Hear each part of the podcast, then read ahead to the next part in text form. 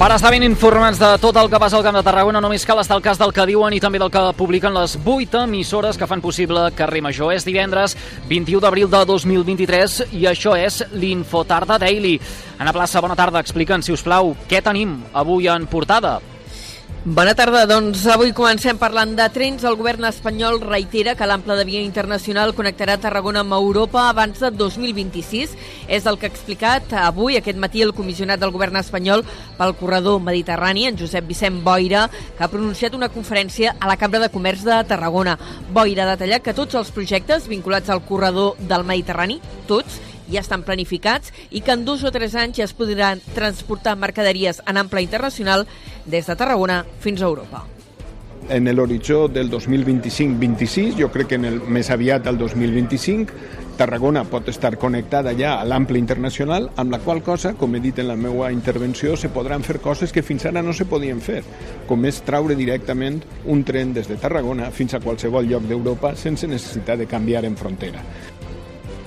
Boira ha desgranat també els projectes que hi ha en marxa, projectes ferroviaris que hi ha en marxa al Camp de Tarragona, sis en total. Hi ha la implantació del tercer fil, la implantació de l'ample internacional entre Castelló i Tarragona, la nova estació intermodal, el salt de Moltó, hi haurà el nus de Vilaseca, l'ampliació del túnel de Roda de Barà i també l'estudi d'alternatives per fer una nova línia de mercaderies per l'interior.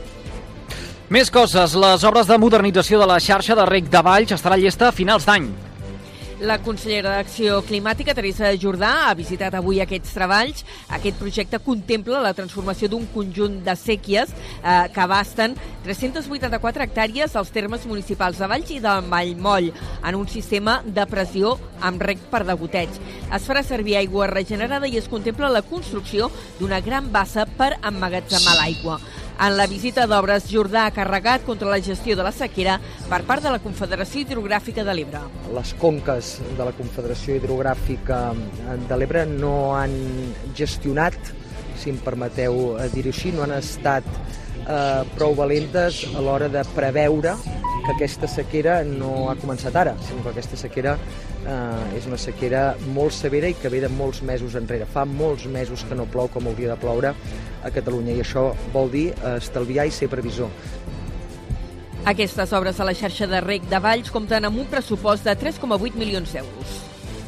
Més coses. El Parlament insta el govern a enfatitzar els controls d'ús d'aigua industrial, de regadiu i lúdica al Camp de Tarragona una petició que recull diversos punts, una moció que havia presentat, que es va debatre ahir dijous, l'havia presentat en Comú Podem.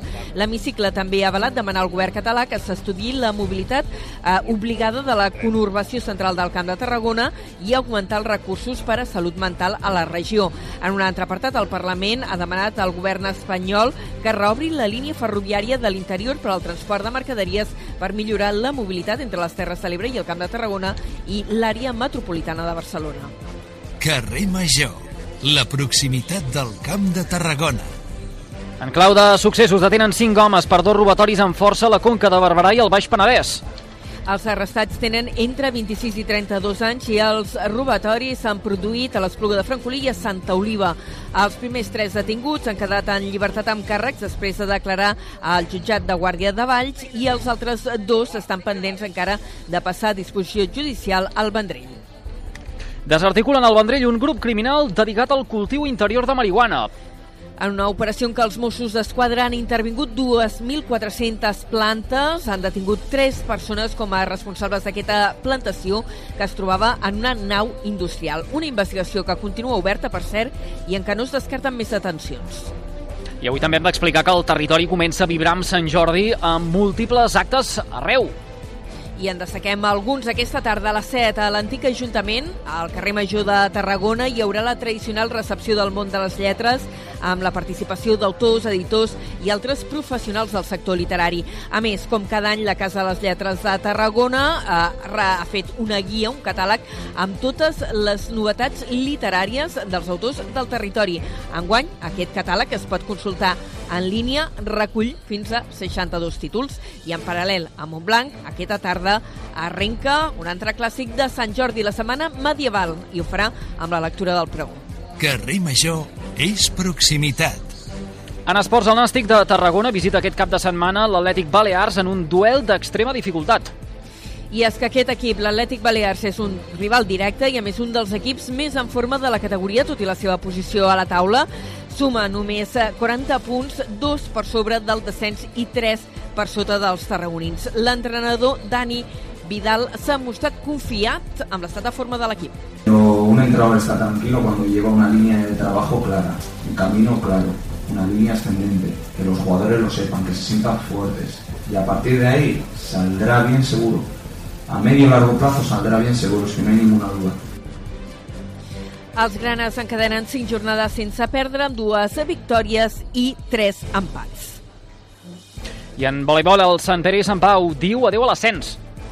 Els cooperativistes van perdre ahir a la tarda i avui han tornat a caure, en aquest cas per 3 sets a 1 davant de l'Almedralejo Extremadura en la segona jornada de la fase de grups. Els tarragonins s'han quedat així sense opcions de disputar les semifinals que seran aquest dissabte després de perdre els dos partits de la primera fase. Carrer Major, fent camp de Tarragona. Dit tot això, coneguem quin temps ens espera de cara a les properes hores i connectem amb el Servei Meteorològic de la xarxa de comunicació local. Esperem no tindre entrebancs de cara a aquest proper Sant Jordi. Lluís Mivérez, bona tarda. Temps més aviat tranquil, el que estem tenint a gran part de Catalunya. Sí que els núvols continuen fent-se el ronso en algunes comarques de la costa de Barcelona i de Tarragona, però s'estan començant a trencar. Per tant, la tendència de la propera tarda és d'un cel més aviat destapat, amb núvols prims, això sí, i d'altres que aniran arribant per les comarques de Lleida, també les de l'Ebre, al llarg del vespre, bàsicament. A últimes hores de la tarda, ja de nit, arribarà a provisquejar una miqueta cap al Pirineu lleidatà, especialment. I també la tarda serà ventosa, vent del sud, que bufarà amb més força cap a la Costa Brava i també al Pla de Lleida. La tarda també càlida, més o menys com la d'ahir, només baixa una mica la temperatura arran de mar. Pel que fa a demà, força núvols a Lleida i Tarragona amb alguns ruixats, més probables a la mitja tarda. A Girona i Barcelona demà núvols prims, però amb poques possibilitats de pluja o com a mínim important. I el dia de Sant Jordi, força sol arreu de Catalunya i només durant la tarda alguns núvols a l'Alt Pirineu o al nord de Girona amb algun ruixat però molt aïllat. Ho anirem seguint a la xarxa. Ara sí, doncs ho deixarem aquí a la plaça. Gràcies per aquesta pinzellada informativa amb el més destacat del dia al Camp de Tarragona. Que vagi bé fins després. Fins després. I tots vostès poden recuperar l'Info Tarda Daily d'aquest divendres 21 d'abril des de les xarxes socials i també des dels podcasts de les 8 emissores que cada tarda passegen plegades pel carrer Major. Gràcies, com sempre, per seguir-nos.